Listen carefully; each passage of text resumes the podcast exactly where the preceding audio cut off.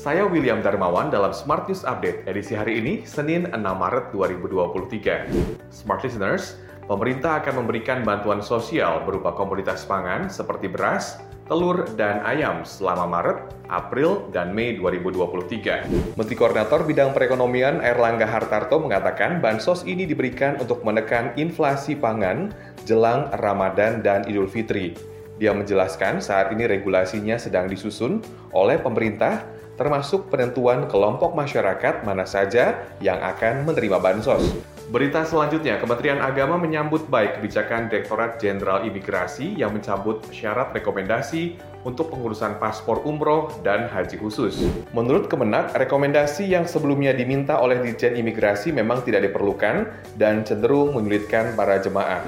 Juru bicara Kemenak, Ana Hasbi mengatakan, sebelumnya Ditjen Imigrasi meminta rekomendasi dari Kemenak dengan alasan pengawasan dalam proses penerbitan paspor jemaah umroh dan haji khusus.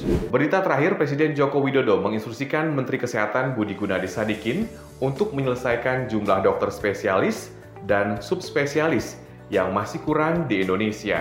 Jokowi mengakui kurangnya jumlah dokter spesialis dan subspesialis merupakan salah satu masalah di dunia kesehatan dalam negeri. Jokowi pun berpesan kepada Budi dan Menteri Pendidikan Kebudayaan, Riset dan Teknologi Nadiem Makarim untuk memperbanyak dan mempermudah pendidikan dokter spesialis. Sekian Smart News Update hari ini. Saya William Darmawan mengucapkan terima kasih. Sampai jumpa.